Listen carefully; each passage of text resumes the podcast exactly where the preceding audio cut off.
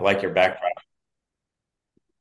Good morning, uh, Terry. Um, you are our Saturday guest. It means last Saturday's guest, a little belated, but uh, nevertheless, here we are. And we're very happy to have you uh, with us again. You've been there before, and uh, you are obviously now in the middle of something very interesting for our readers. And uh, this is the America's Cup we're talking about. Yes. Um, it's interesting, actually, that uh, this year it's 40 years since Australia won the America's Cup, and uh, you were probably mm. young by then, so I don't know how much you remember, but it's I remember it well. You remember it well, yeah. And you decided then yeah. that you were going to take it back. Uh, yeah, I don't know when I actually decided that. Um, I've never really contemplated it in in that manner, so I've always contemplated it as a is an event that um, I wanted to be part of a winning team and a successful team. And so, you know, I think uh, over the course of the last, really since 2000, so over the course of the last um, 23, and when we get to the match next year, 24 years, that's been the focus. Mm. And so it's never been with the lens of trying to take it back or or what have you. It's always been with the lens of it's an incredibly difficult competition to win and and wanting to be a part of a team that helps win that competition. Yeah, and you've had a pretty good start um, by winning the first uh, regatta for the uh, AC40s uh, two weeks ago. That must yeah. no, we did have a good start. We um, the guys, yeah, I mean, I think the guys sailed pretty well. I mean, it, it's important to recognize that's a one design regatta, and so you know they they uh, I think what was on display there was the fact that we had a lot of time in the boat. I think the um, the fact that the guys had practiced well and and we had prepared well for the regatta, you know, was it showed. And you know, interestingly, the teams that um, had two boats and had spent the most time in the boat were the successful teams. So, yeah, well, that's, know, that's, that's not really a. Say again. That's the way it always is. I think you know it. yeah, that's the way it always is, and so I think in that in that you know vein, it's good to see that uh, the tried and true way of uh, preparing for a regatta. Good time in the boat, great sailors, and uh, well executed starts. It all came to a fruition, oddly enough. right. The one thing that is uh, in common with the 1983 regatta is that it was an Australian helmsman who, who won at that time, and now you have an Australian helmsman with you. So that is maybe a good omen as well. Yeah, we have a couple. Um, he does have a U.S. passport, so um, we, all know, we all know where he comes from. Yeah, and um, yeah, I mean, I think we have some great helmsmen. You know, it, it's not on just one person. No, um, I think that would be a mistake to to characterize that and to actually put that on Tom because it is a team and there's 170 people on this team, and so at any given moment, the team's only going to be as strong as really as the weakest person on the team. And so it's our job to always make sure that um, that we, you know, we support our teammates and that we put the guys on the water uh, when they're on the water. We put them in a boat and a in a position to go out and let them do their jobs. Mm-hmm. It's really no more complicated than that. But you know, Goody was doing as good a job as Tom, and Michael and Riley were doing as good a jobs as Tom and and and Paul. And so you know, I kind of I probably have a slightly different um, perspective on it, and none of that uh, underestimates truly how talented both Tom and Paul are as helmsmen. You know, we're very fortunate to have those guys as teammates. No, and of course uh, there are in fact two helmsmen on the boat, uh, one on each side. So that's right. They all have to be pretty good.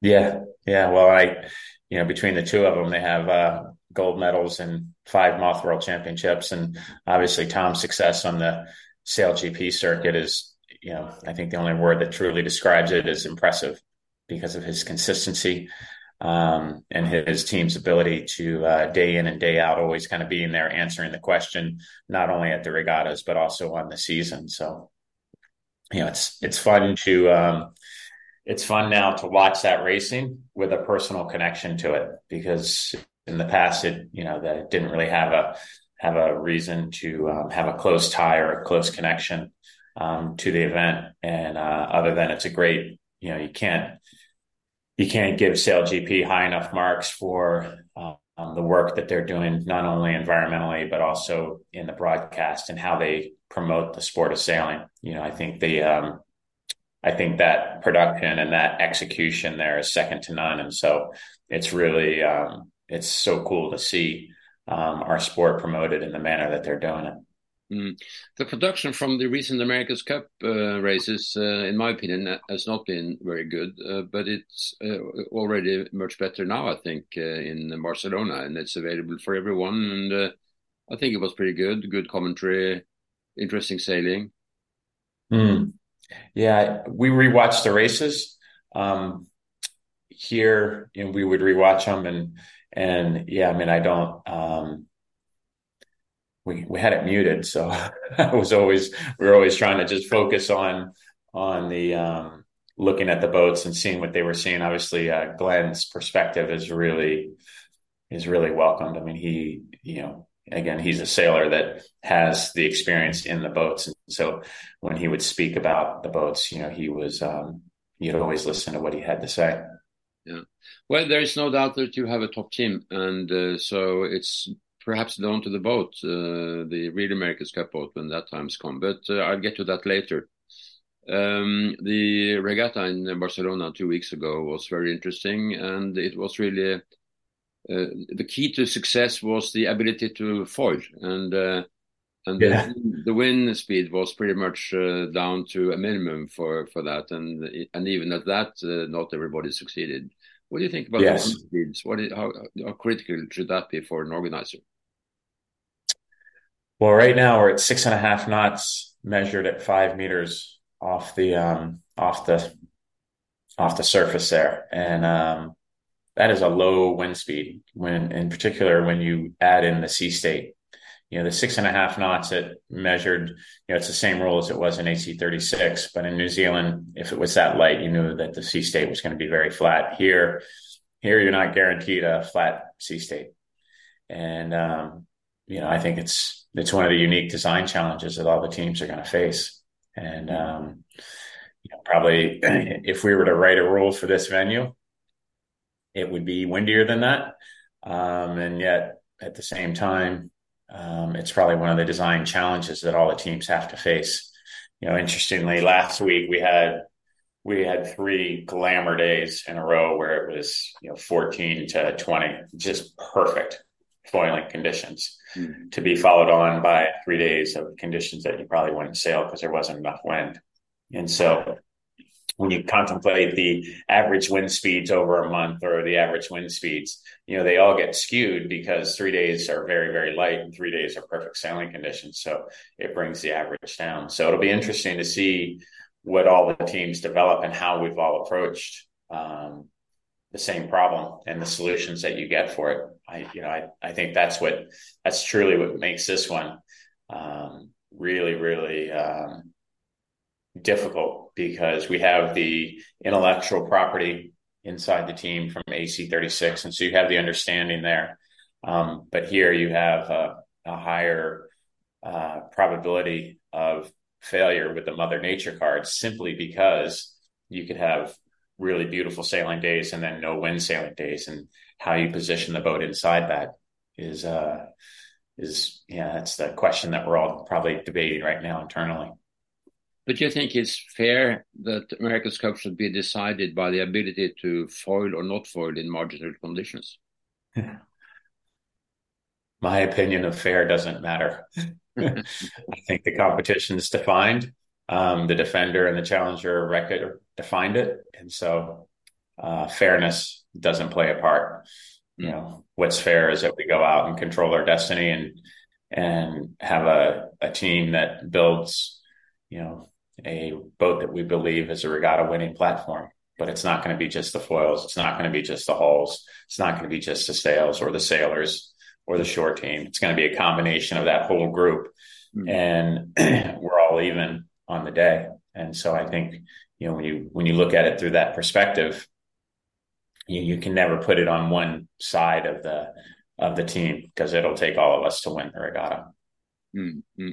You you are um, officially the skipper of the American Magic, uh, but you're not going to be are you? No. No. So no. your capacity as a skipper is going to be an advisor and uh, a coach, really. Yep, that's right Yeah. four people on the boat? also in the American? Uh, four people on the AC40s and eight eight sailors on the AC75. Mm. And what's changed in the uh, since AC36, you know, the, the boat's a thousand kilos lighter. Um, it has the same amount of hydraulic uh, requirement that the boat did in AC36, but you're doing it with three less people on board. And so the introduction of the legs to power the boat and the cyclers inside the boat, that's a big, you know, that's a the the requirement of the oil energy is still there, and so you have to um, you got to produce somehow to sail the boat as effectively and as efficiently as you can. And um, so I think that you know that's one of the changes that's going to be again it's going to be interesting to see how teams solve that problem because you know producing oil and producing the right amount of energy to uh, sail the boat properly the way that the guys want to sail it that'll always be a revolving door of we need more we need more oil. And so getting to a spot that the guys can do that is is critical you have a huge design team and um, and design as you say is going to be very important in this america's cup uh, um, mm am I right to say that, uh, or to understand that the rigs are going to be pretty similar, or, and it's up to the uh, foils and the windage? That's correct. So the rigs are the one design, you know, rigging and the and the and the one design spar, D spar. So mm. all that is very similar. Uh, the foil arms are 250 mil longer, and and the span of the foil inside the box is a little bit bigger, and so there's a nod towards uh, foiling in lighter conditions. But again, everybody will you you make the physical size of the foil a bit bigger and and uh, such, you um, end up in a spot that that you're still working to reduce the size of the foil and make the foil as small as possible. Which again means that um, you are very vulnerable in. Uh, yeah. That's right, but you're never going to make a uh, a slow foil fast. And um, and yet, I think when you reflect back on AC36, what you do see is that you know Luna Rossa's foils were quite a bit bigger than Team New Zealand's, and in that that uh, match, um, you know Luna Rossa sailed very well, and they took three races off of the defender, and they probably should have taken two more. And they had that one that they came off the foil and could not get the boat back up and got past, hmm. and then they had the other one that they were winning three quarters of the way up the last beat and you know did what they thought was the right thing to do at the time and mother nature chose otherwise um, but that was a race that you know that Luna Rossa deserved to win and and yet you know over the course of time every day that they came off the water tied it was a win for team new zealand because team new zealand was just going to race better and better and better throughout the series and it was um, but it tells you that you can actually have quite a big foil and if you sail the boat well, you can win races. But the defender, if they are truly the fastest boat and you give them time to improve and to develop through the regatta, that the fastest boat's going to win. I mean, that was truly on display in 2013 when Oracle won in uh, AC34 in San Francisco, you know, sitting on match point yeah. for as long as they did. But the fastest boat kept on getting faster and faster and faster and faster until it was just too much, mm. regardless of how well or how poorly it started. they were lucky though because uh, the American boat was uh, half a leg from from winning one race, and it was yeah. because of time limit. So you know, yeah. Now there's, I mean, you can look at that. There was a lot of, you know, but that's Mother Nature, right? And so you have to um, you have to make sure you're in a position that when the opportunity comes, you have the team and the equipment that can um, deliver on the on the week that you're going to be racing. Hmm. And after all, it is an outdoor sport, so you you know you have to contend with Mother Nature, as you say. Yeah, yeah. Mm. That's what makes it exciting. That's what makes it hard. but it's uh, it's truly a um, the operation here in Barcelona is is um, I think as you pointed out earlier, you know the city itself and the venue here is really really good. Mm. Um, you know the Mother Nature part is obviously the the challenging one and the one that will always be questioned until we get to this time next year and we see what's delivered. Will you sail on the same course as you did uh, this time uh, on slightly south of Barcelona? Yeah, yeah. So you know, I mean, right now we're still waiting for um, the absolute rules for of engagement for not only the Challenger Series next year, but also for the match. And they've they've um, they've issued um, no race will start before 2 p.m. and some very basic information, but we haven't gotten down into the details of course course course length or course width and the boundaries and the sizes of that. And So we're still just you know we're in a bit of a waiting game for that information. Mm. Your founders have committed to two America's Cup uh, races, and this uh, or next year and and the next cycle as well. Yeah, yeah. No, we have. Um, well, we you know we've developed a great partnership over the course of time with the New York Yacht Club, and so the agreement from a team perspective with the with the New York Yacht Club is for AC thirty seven, and then again AC thirty eight. Right. So, so which is great. Yeah, it, it allows the team uh, build to build a, a solid um, a solid uh, foundation, and then continue on from there to uh, to improve upon it as well. Mm. It seems there will be six very interesting teams um, uh, uh on the starting line uh, this time because you have yeah. the French and the Swiss coming back, and they both yeah. seem to be doing pretty well. Yeah, well, the French team has purchased Team New Zealand's design package. And mm. so all the challengers will get a reasonably good look at what the defender has.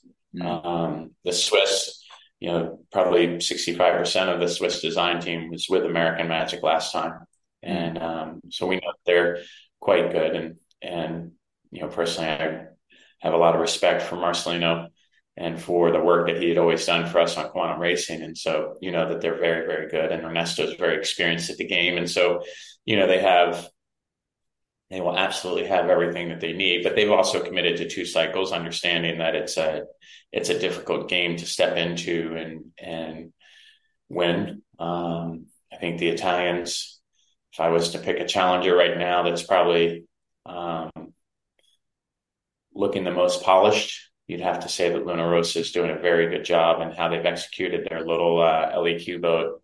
Um, with not a lot of time in the AC40, they they've sailed very well in the training regattas. They sailed very well, even though it wasn't um, ideal conditions. They sailed well in Vilanova, and they have the experience, you know, of AC36 as an afterguard group. So that's that'll carry some that'll carry some weight into this regatta. But they look very polished.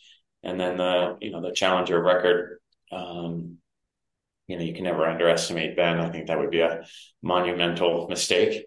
And the team that they've assembled there, and so they've, you know, they're backed by, you know, the Mercedes Formula One team in in a design world, and they're, you know, they've got great financial investment um, inside of that team, which helps feed the machine and helps feed the the design side of it. So, you know, you can't help but uh, see a lot of um, great competitors you know, when you look around the the harbor here in, in Barcelona, I mean, it's not a um, if you put everybody on paper, it's it's hard to pick a uh, it's hard to pick a favorite, and I would put the defender in on that one as well because they've they've taken on a lot, and you know the execution of the AC40s, the hydrogen support vessel, um, you know, moving the the venue out of their hometown. You know, if you were truly um, focused on defending, um, probably that wouldn't be the first thing that you would do. But you know, they made decisions that they did to keep their team going, and so you know, not knowing the intricacies of all that, you know, from the outside, it's easy to pick it apart. But at the same time, um, you know, you can see competitive advantages for the challengers based on the fact that we're now all living in an environment where you know, we're all going to, we're not sleeping in our own beds, and therefore, you know, it evens things out a bit. Um, it's a political issue as well because the um, Middle East countries, the Emirates and so on, are trying to buy buy up all the the um, interesting or high end uh, sports events these days. Uh, now you're going to sail in Jeddah, I think it is, uh, in a few weeks, and uh, do you see that mm. that uh, that will be a factor in the America's Cup as well? Yeah, you, your first part of the question you broke up on. Sorry. No, sorry. Uh, there, there, there is a political issue, and that is going to the to the Middle East and uh, do a regatta there. And, mm. and of course, we see that uh, the countries around the Gulf uh, are buying up the most um, uh, important uh, sports uh, events these days, and you, you, yeah. you, fear that the America's Cup is going in that direction as well. On the talks. Well, not if we win. No, then it's going to be Newport. Uh, I don't know.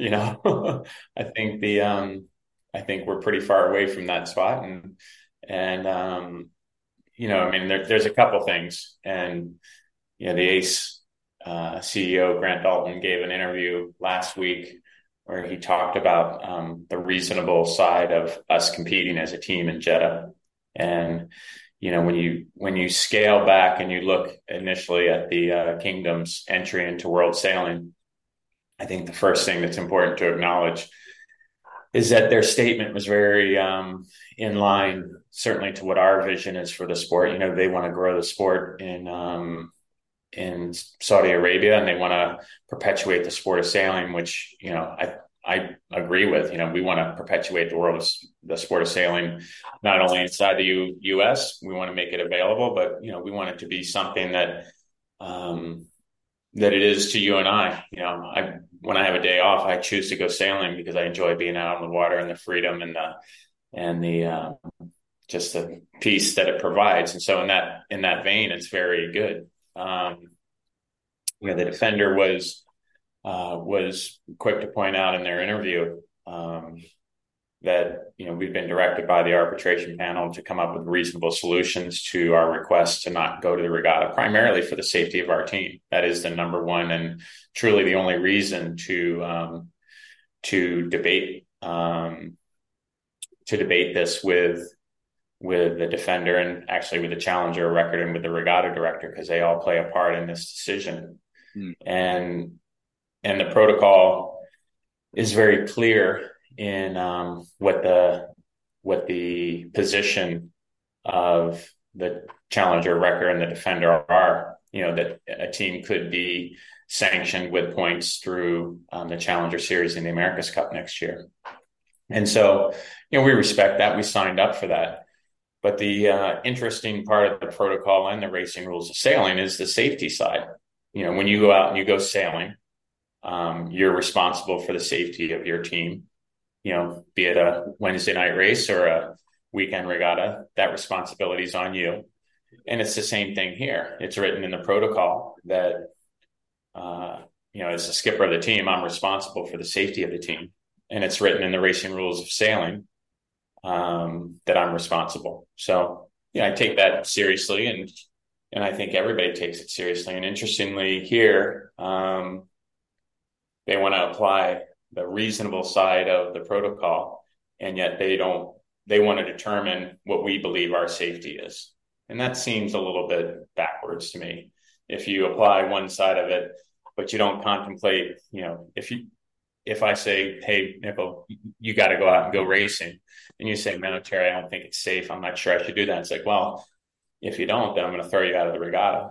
You know, mm-hmm. I, I, that side of the argument doesn't really really doesn't really work for me. And so, you know, I think I think we are competitive people. I think we want to race.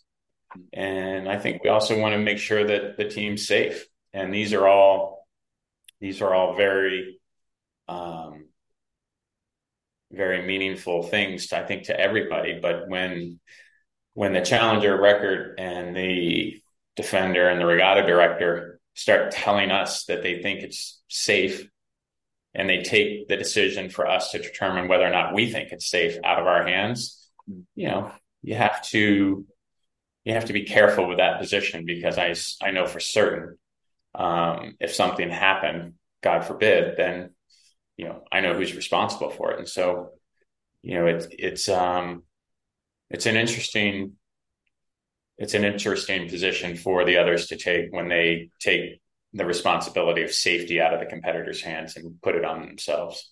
Mm. Well, of course, that is true. And, and, of course, it is a huge difference between the safety in a Saturday night uh, regatta than it is uh, the political risk of going to the Middle East. So, so yeah, yeah. well, I, I, I, I'm careful to remove the politics out of it because I, I do. You know, we've had some great meetings with, with um, the sports ministry and you know everybody's very well intended, and so you can't, you know, we've looked everybody in the eye, and you know you have to, you have to be, um, you know, I think both are very genuine positions. I mean, they certainly want to have a great regatta, and they want to display um, the you know what Jeddah and what the waters off of the coast there can provide to the sport of sailing. And I think when they entered into the world sailing and what was written and said, you know, those are very genuine statements. But um, I, I, guess I don't draw the difference between the Wednesday night race where you're responsible for the safety and and here, I mean, we're all still going racing, you know, regardless of the scale that we're doing it on. Um, one just brought, brings more attention to the other, and so you know, it's it's a um, yeah, it, you just want to be thoughtful in these decisions and and how you balance the safety of the team and who's actually responsible. So, in any event, uh, the regatta and Jeddah is the last one for the AC 40 class, and then you're going on to the real America's Cup holds. When, yeah, when, which is unfortunate because the racing's really good. You know, I think what everybody saw there was was great racing. But now the uh, design is available for anybody to buy, so maybe it's going to be a class for other than the America's Cup uh, content. Mm. Yeah, I guess time will tell on that one. Yeah, yeah, absolutely. But uh, talking about time, when is uh, your first America's Cup boat uh, ready for sailing? Um, what is ready for sailing? I think uh, you know we get into June of next year. Mm and you know you're going to see the boat out on the water ripping around here in Barcelona. Right. So, you know, we're trying to program ourselves have, have enough time. You know, the program that we had leading up to the racing in AC36 was a good amount of time in the boat, enough time to allow the designers to design, but also enough time to allow the sailors to um, allow the sailors the appropriate amount of time to work at the boat. Are you going to try it out in uh, Pensacola uh, in home waters before? Yeah, we're in Barcelona for the duration, which is good. So no more moves.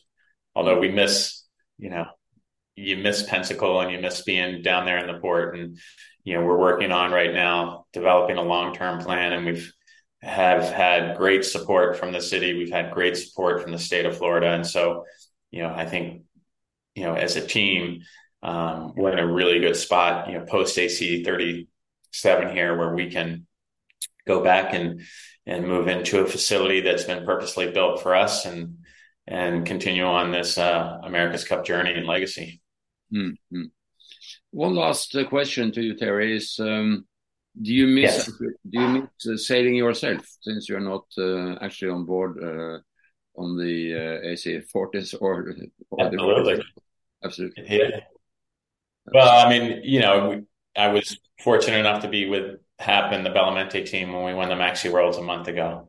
And right. so there's still some racing going on, mm. which is, you know, which is good. And, you know, but these, this job and the role that I'm in, I'm here to support the sailing team. I'm here to support the entire team. And that's relying on the experience that has been gained over the last uh, five cycles of doing this, this competition. And so, you know, I, the goal is to win the regatta and that's full stop. And so if I have to be the person emptying the trash cans and that's what it takes to help us win, then that's what I'm going to do because you know there's so much commitment here and there's so much energy being put into um, into having this team be successful that we all have to be willing to do whatever it takes. And so I don't view uh, uh, you know, I'm a competitive racer still. And so, yes, I miss racing, but I find the, um, the opportunity to watch and to help and to facilitate the guys learning and to be a you know sometimes a contrarian in the room asking the questions that maybe people don't necessarily want to ask at the time but asking that question um, it's uh, equally as engaging because you can see the impact that can come from it so mm-hmm. you know in that in that vein it's really it's different but it's also good mm. Terry, it's always nice to talk to you. Uh, I hope we will have a chance uh, to talk again before. Uh, yeah, thank you for your patience. I appreciate it. next next year, and and good luck. Yes, yes thank you. Bye bye. Bye.